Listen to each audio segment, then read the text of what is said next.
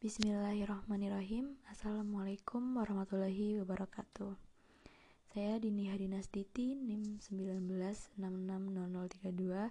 akan membacakan suatu artikel yang berjudul Filsafat Islam dan Tradisi Keilmuan Islam karya Dr. Syamsuddin Arif dan Dr. Dinar Dewi Kania Ketika ditanya, apa itu filsafat? Seorang mahasiswa menjawab singkat. Filsafat itu mencari kebenaran. Dengan cara berpikir dan bertanya terus-menerus. Tentang segala hal. Dari persoalan gajah sampai persoalan semut. Dari soal hukum dan politik hingga soal moral dan metafisika. Dari soal galaksi sampai soal bakteri. Kalau begitu, berarti filsafat itu ada di mana-mana. Memang benar, filsafat ada di barat dan ada di timur. Ada filsafat Yunani, filsafat India, filsafat Cina, filsafat Kristen, dan juga filsafat Islam. Inilah makna filsafat sebagai kearifan dan pengetahuan yang dicapai manusia dengan akal pikirannya. Tiga istilah dalam tradisi intelektual Islam. Kita temukan tiga istilah yang umum dalam filsafat. Yang pertama, istilah hikmah yang tampaknya sengaja dipakai agar terkesan bahwa filsafat itu bukan barang asing, akan tetapi berasal dari dan bermuara pada Al-Quran. Al-Amiri misalnya menulis bahwa hikmah berasal dari Allah, dan di antara manusia yang pertama dianugerahi hikmah oleh Allah ialah Luqman Al-Hakim. Disebutnya ketujuh filsuf Yunani kuno itu sebagai ahli hikmah, Al-Hukumah Asaba'ah, yakni Thales, Solon, Pitachus, Bias, Cleobulus, Mison, dan Silon. Demikian pula Al-Kindi yang menerangkan bahwa falsafah itu artinya hub al-hikmah, cinta pada kearifan. Sementara Ibnu Sina menyatakan bahwa hikmah adalah kesempurnaan jiwa manusia tatkala berhasil menangkap makna segala sesuatu dan mampu menyatakan kebenaran dengan pikiran dan perbuatannya sebatas kemampuannya sebagai manusia. Siapa pun yang berhasil menggapai hikmah seperti itu, maka ia telah mendapat anugerah kebaikan berlimpah, ujar Ibnu Sina. Sudah barang tentu tidak semua orang setuju dengan istilah ini. Imam Al-Ghazali termasuk yang menentangnya. Menurut beliau, lafaz hikmah telah dikorupsi untuk kepentingan filosof. Karena hikmah yang dimaksud dalam kitab suci Al-Quran itu bukan filsafat, melainkan syariat Islam yang diturunkan Allah kepada para nabi dan rasul. Yang kedua adalah istilah falsafah yang diserap ke dalam kosakata Arab melalui terjemahan karya-karya Yunani kuno. Definisinya diberikan oleh Al-Kindi Filsafat adalah ilmu yang mempelajari hakikat segala sesuatu sebatas kemampuan manusia. Filsafat teoritis mencari kebenaran, manakala filsafat praktis mengarahkan pelakunya agar ikut kebenaran.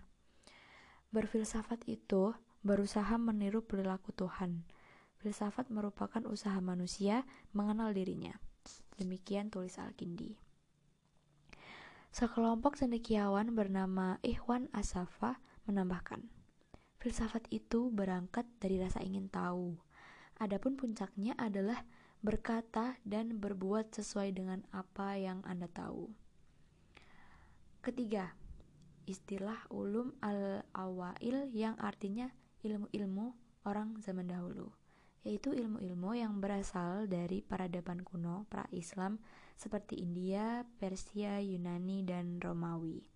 Termasuk di antaranya ilmu logika, matematika, astronomi, fisika, biologi, kedokteran, dan sebagainya.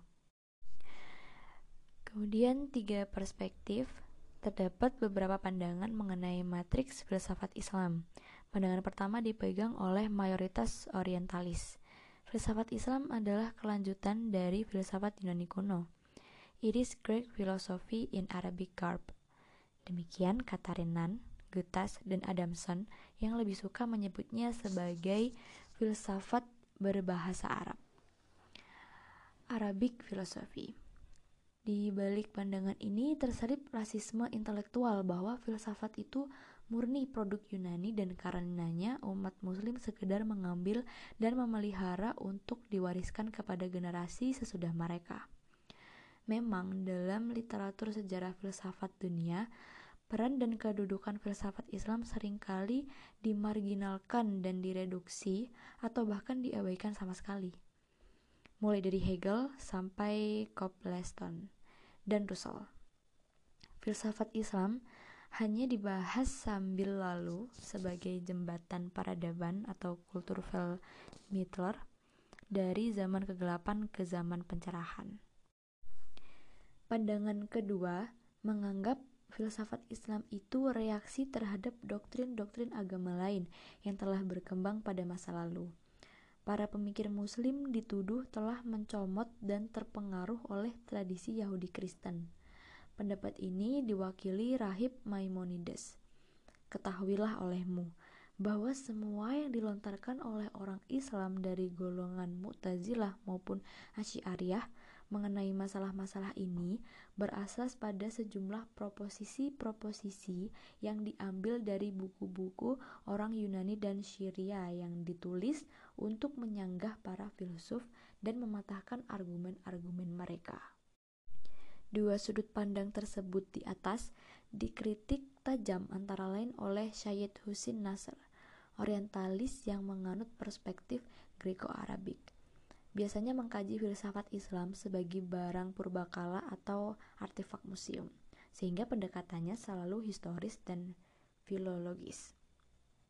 Di mata orientalis semisal Vandenberg, Walzer, dan Gutas, filsafat Islam itu ibarat sesosok mumi yang hidup antara abad ke-9 hingga ke-12 Masehi. Akibatnya, lanjut Nasar, para orientalis itu tidak tahu dan tidak peduli akan fakta filsafat Islam sebagai kegiatan intelektual yang terus hidup dari dahulu sampai sekarang. Islamic philosophy has remained a major intellectual activity and a living intellectual tradition within the citadel of Islam to this day, di pusat-pusat keilmuan dunia Islam. Yang ketiga adalah perspektif revisionis yang memandang filsafat Islam itu lahir dari kegiatan intelektual selama berabad-abad sejak kurun pertama Islam. Bukankah perbincangan tentang kemahakuasaan dan keadilan Tuhan, tentang hakikat kebebasan dan tanggung jawab manusia, merupakan cikal bakal tumbuhnya filsafat? Munculnya kelompok Hawarij, Syiah, Mu'tazilah, dan lain-lain yang melontarkan pelbagai argumen rasional di samping merujuk kepada ayat-ayat Al-Quran. Jelas sekali mendorong berkembangnya pemikiran filsafat dalam Islam. Contohnya, sepusuk surat dari Al-Hasan Al-Basri kepada Khalifah perihal Khodok dan Hodar di mana beliau menangkis argumen kaum fatalis maupun argumen rasionalis sekuler. Perdebatan seru segera menyusul di abad-abad berikutnya seputar kedudukan logika, masalah atom, ruang hampa, massa, dan yang tak terhingga dalam hubungannya dengan kewujudan Tuhan sebagai keazilian dan keabadian alam semesta. Pandangan revisionis ini diwakili antara lain oleh M.M. Syarif, Oliver Liman, dan Alparslan Ashikhan. Filsafat Islam tidak bermula dengan Al-Kindi dan berhenti dengan kematian Ibnu Rusdi. Sebagai produk dialektika unsur-unsur internal umat Islam itu sendiri, bangunan filsafat Islam dapat ditemukan fondasinya dalam kitab suci Al-Quran yang menduduki posisi sentral dalam kehidupan spiritual intelektual kaum muslim. Bagi Oliver Liman, Filsafat Islam adalah nama generik keseluruhan pemikiran yang lahir dan berkembang dalam lingkup peradaban Islam.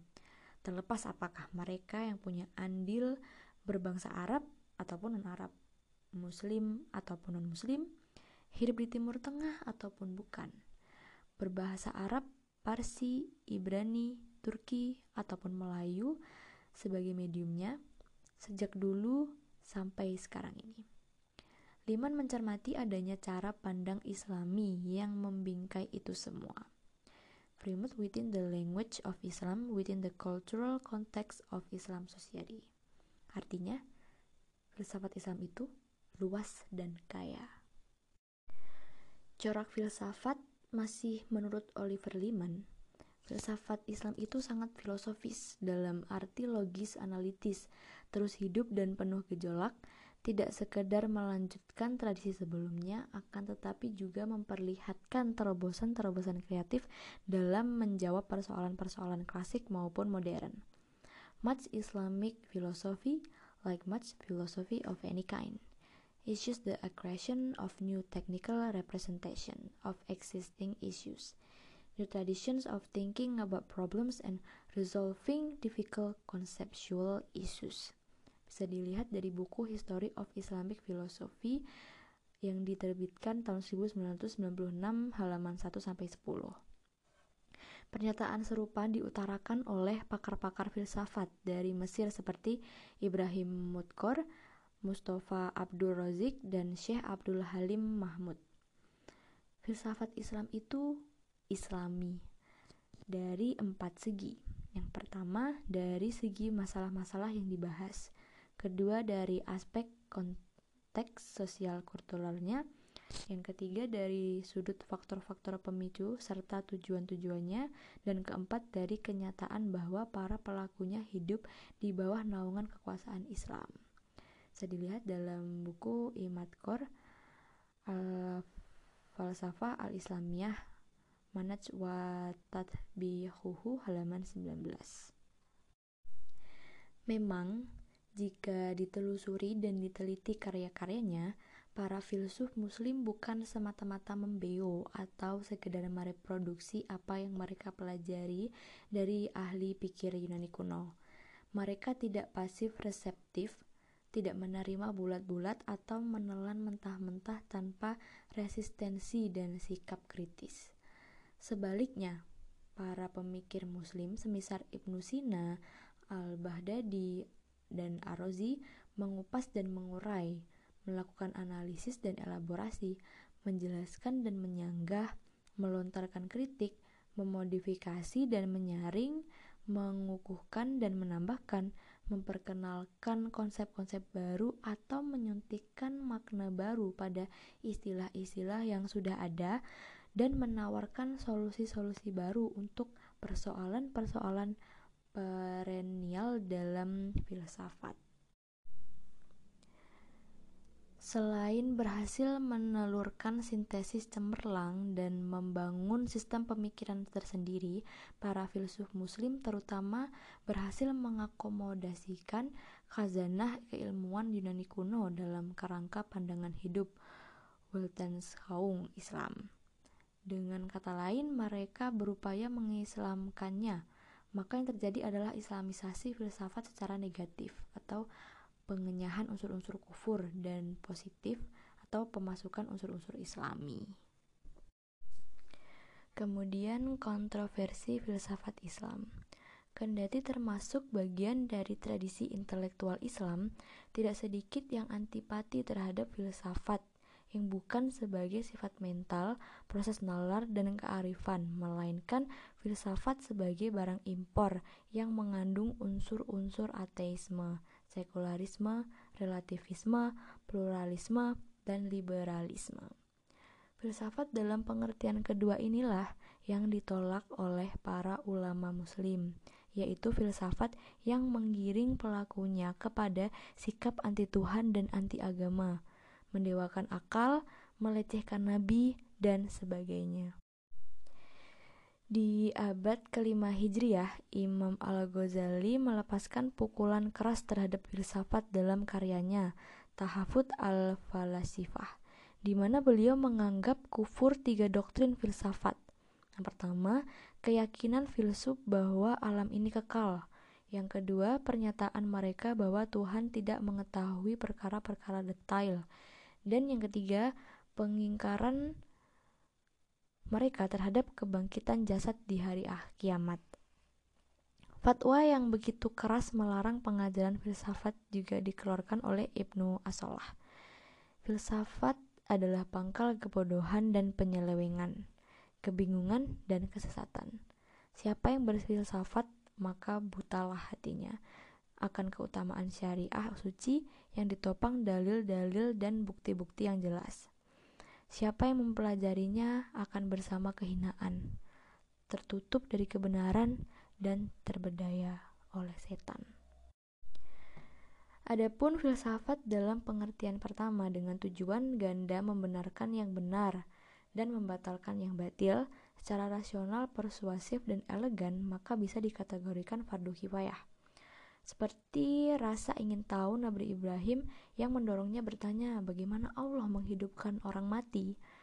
Allah balik bertanya, apakah engkau belum percaya? Nabi Ibrahim menjawab, aku percaya, akan tetapi Aku bertanya supaya hatiku tentram. Mantap. Jadi filsafat itu untuk mengokohkan kebenaran sekaligus menghapus keraguan. Tradisi keilmuan Islam Pada saat komunitas Islam terbentuk, tantangan serius pertama yang dihadapi umat Islam adalah tantangan moral dari kemerosotan yang dibawa oleh budaya jahiliyah. Yang kedua, tantangan kesus sastraan yang dimiliki oleh budaya jahiliyah terutama yang terpenting adalah ketika terjadi ekspansi Islam terhadap peradaban lainnya. Tantangan yang ketiga adalah adanya aktivitas keilmuan dan filosofis yang dibawa terutama dari budaya Helenistik. Semua tantangan intelektual tersebut tentunya tidak dapat dihadapi tanpa adanya para ulama atau cendekiawan yang terlatih dan mumpuni. Pakar filsafat Islam Al-Parlan Acihen sampai pada kesimpulan ini untuk membuktikan bahwa intelektualitas pada abad pertama kemunculan Islam telah memiliki pondasi yang memadai yang disebut kontekstual causes untuk kebangkitan ke aktivitas keilmuan dan kemunculan tradisi keilmuan dalam Islam. Tantangan spekulatif dari peradaban sebelumnya, terutama budaya jahiliyah dan adanya motivasi dari Al-Quran bahwa manusia memiliki tanggung jawab moral dan religius sebagai khalifah di muka bumi dan alam semesta, membuat generasi pertama Islam mulai berspekulasi terhadap beberapa masalah tertentu yang muncul saat itu. Pada masa kenabian, ketika umat Islam berhadapan dengan permasalahan-permasalahan tersebut, Nabi Muhammad SAW akan menguraikan dan menjelaskan dengan bimbingan wahyu. Hal ini merupakan proses yang berkelanjutan dalam konstruksi Islamic worldview.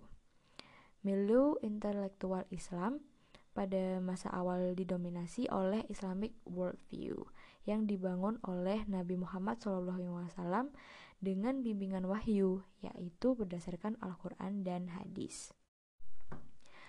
Al-Parslan juga menegaskan bahwa apabila sejarah intelektual Islam pada masa awal dipelajari secara teliti, maka akan terlihat benih dari beberapa ilmu telah tampak sejak masa Rasulullah, terutama pada periode ketiga, seperti sejarah, hukum, kesusasteraan, grammar, filsafat, dan teologi, yang kesemuanya masih pada tahap awal.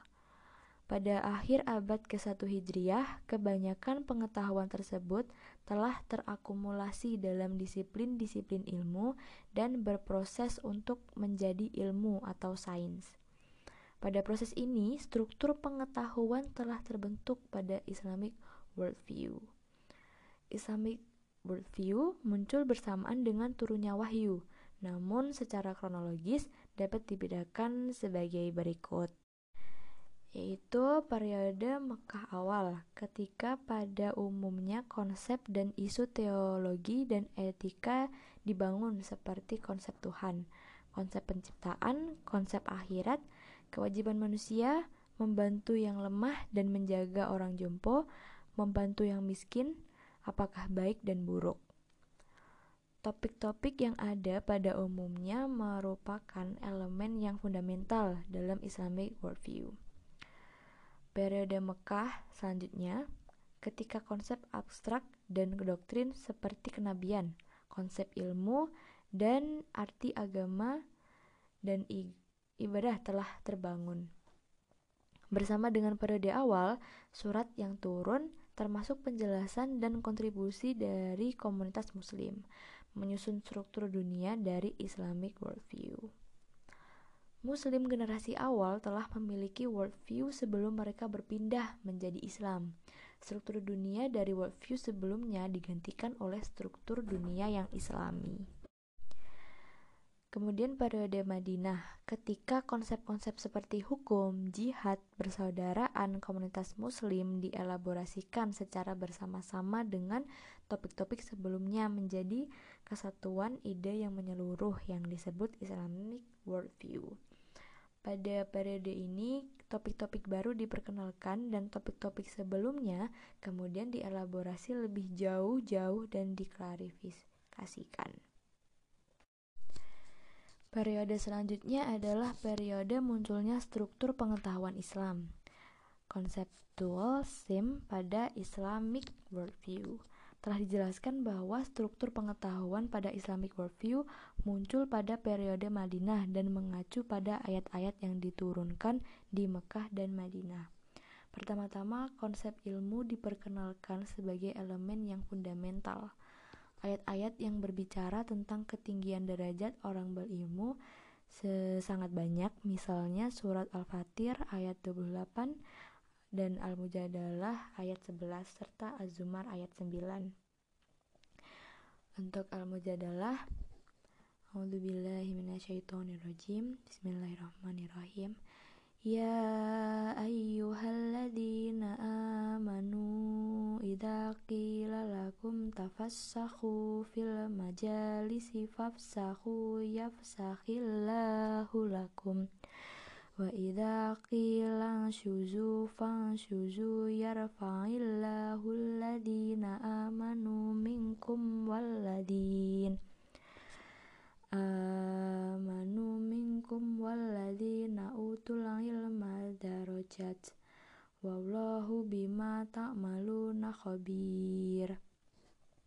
Yang artinya adalah hai orang-orang yang beriman apabila dikatakan kepadamu berlapang-lapanglah dalam majelis maka lapangkanlah niscaya Allah akan memberi kelapangan untukmu dan apabila dikatakan berdirilah kamu maka berdirilah niscaya Allah akan meninggikan orang-orang yang beriman di antaramu dan orang-orang yang diberi ilmu pengetahuan beberapa derajat.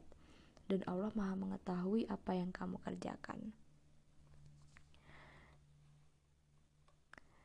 Dengan banyaknya ayat Al-Quran yang berbicara tentang ilmu dan ketinggian derajat para pencari ilmu, maka dapat disimpulkan bahwa struktur pengetahuan dalam Islamic worldview dimulai dengan penekanan pada konsep ilmu.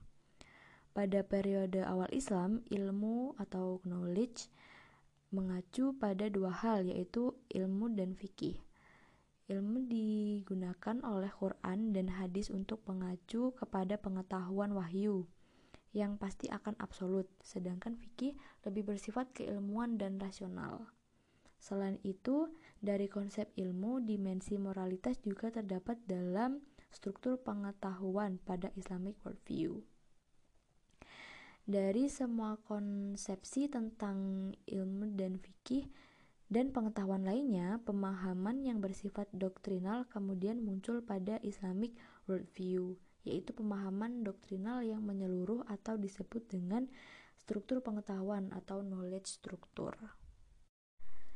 Islam sangat menekankan pentingnya pencarian ilmu untuk meneliti, memahami alam semesta, dan kondisi alamiah yang berkaitan dengan hal tersebut. Mencari ilmu bukan hanya semata-mata dianjurkan, melainkan diwajibkan atas setiap muslim sesuai hadis di, diriwayatkan Ibnu Majah. Mencari ilmu adalah wajib bagi setiap muslim sehingga tidak dapat dipungkiri bahwa hasil dari aktivitas pencarian ilmu yang menyeluruh ini akhirnya membentuk hubungan dari konsep-konsep yang pada akhirnya menghasilkan skema konseptual keislaman, the scientific conceptual same. Karena skema ini muncul sebagai hasil dan terdapat pada Islamic worldview, maka skema tersebut diidentifikasikan sebagai Islamic Scientific Conceptual Scheme sebagaimana telah dijelaskan sebelumnya apabila skema tersebut muncul pada masyarakat atau peradaban tersebut maka hal tersebut dinamakan tradisi keilmuan atau scientific tradition. Atau dengan kata lain, dapat disimpulkan bahwa Islamic Scientific Conceptual Scheme tersebut merupakan dasar atau fondasi dari munculnya tradisi keilmuan Islam. Kemudian kemunculan tradisi keilmuan Islam.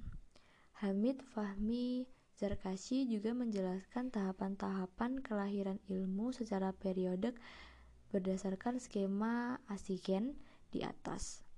Menurut Hamid, kelahiran ilmu dalam Islam dibagi ke dalam empat periode. Yang pertama, turunnya wahyu dan lahirnya pandangan hidup Islam.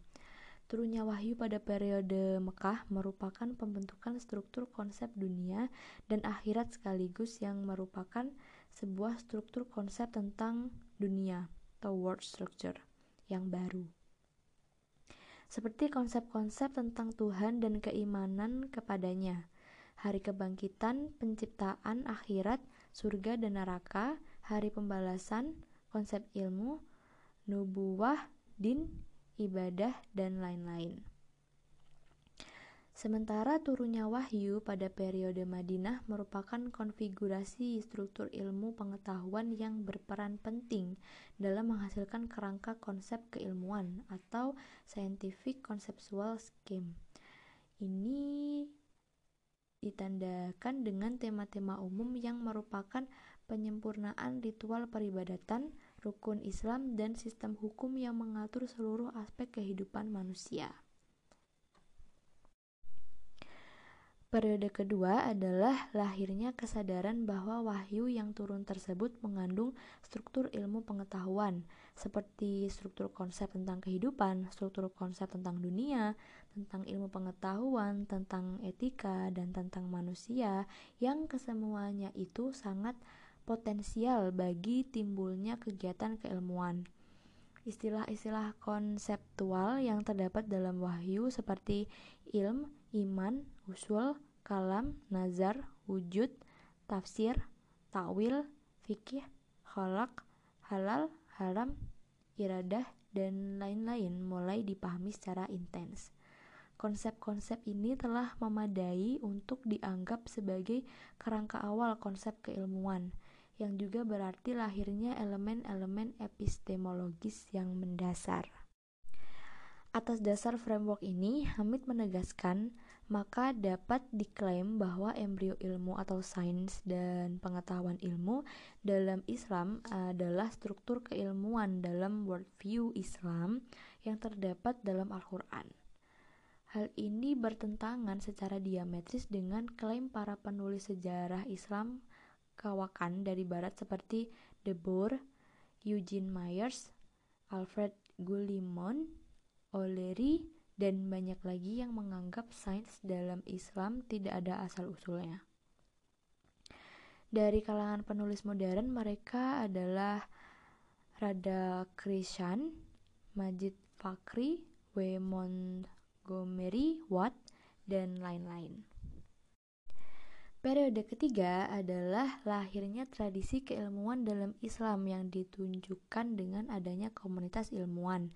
Bukti adanya masyarakat ilmuwan yang menandai permulaan tradisi keilmuan dalam Islam adalah berdirinya kelompok belajar atau sekolah Ashabus Sufah di Madinah. Di sini kandungan wahyu dan hadis-hadis Nabi dikaji dalam kegiatan belajar mengajar yang efektif yang tentunya tidak dapat disamakan dengan materi diskusi spekulatif di Ionia yang melahirkan tradisi intelektual Yunani. Hasil dari kegiatan ini adalah munculnya para pakar hadis seperti Abu Hurairah, Abu Zar al-Ghifari, Salman al-Farisi, Abdullah ibnu Mas'ud, yang kemudian diikuti dengan generasi berikutnya seperti Hadi Syuraih, Muhammad ibnu al-Hanafiyah, Ma'bad al-Juhani, Umar bin Abdul al-Aziz, Wahab ibnu Munabih, Hasan al-Bashri, Gailan ad-Dimashqi, Ja'far Asyadiq, Abu Hanifah, Malik ibnu Anas, Abu Yusuf, Abu Syafi, dan lain-lain. Menurut Hamid, framework yang dipakai pada awal lahirnya tradisi keilmuan ini sudah tentu adalah kerangka konsep keilmuan Islam atau Islamic Scientific Conceptual Scheme. Di indikasi adanya kerangka konseptual ini adalah usaha-usaha para ilmuwan untuk menemukan beberapa istilah teknis keilmuan yang rumit dan canggih.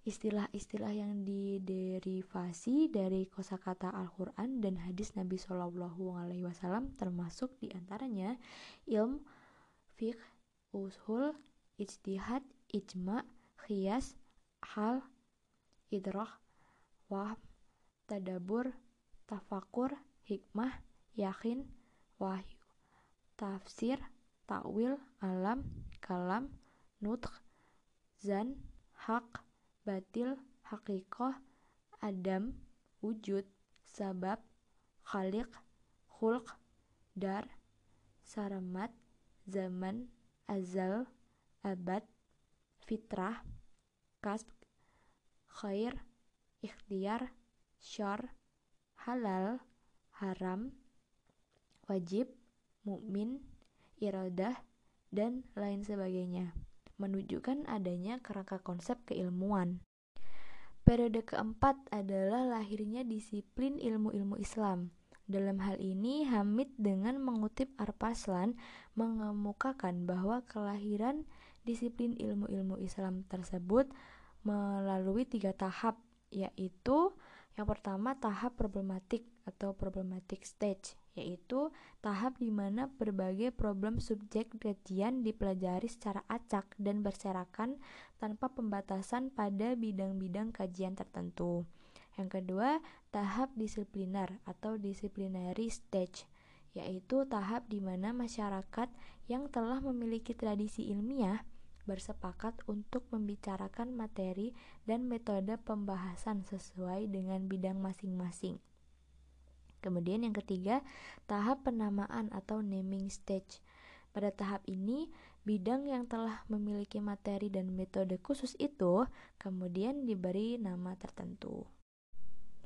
Seperti telah dijelaskan di atas oleh Hamid Fahmi Zakashi, berkait dengan framework Islam yang mampu melahirkan embrio ilmu atau sains, dalam praktik nyatanya umat Islam memang tidak hanya melakukan pengkajian dan pengembangan dalam bidang al-ulumus syariah saja, akan tetapi juga dalam bidang ilmu pengetahuan secara umum. Hal ini dapat juga dipahami karena Al-Quran memberikan perhatian yang banyak pada hal-hal yang berkenaan dengan fenomena alam, sejarah, sosial, dan hidup bermasyarakat, politik, dan masalah kenegaraan. Alhamdulillah, sekian. Eh, mohon maaf bila ada kurang lebihnya. Terima kasih. Wassalamualaikum warahmatullahi wabarakatuh.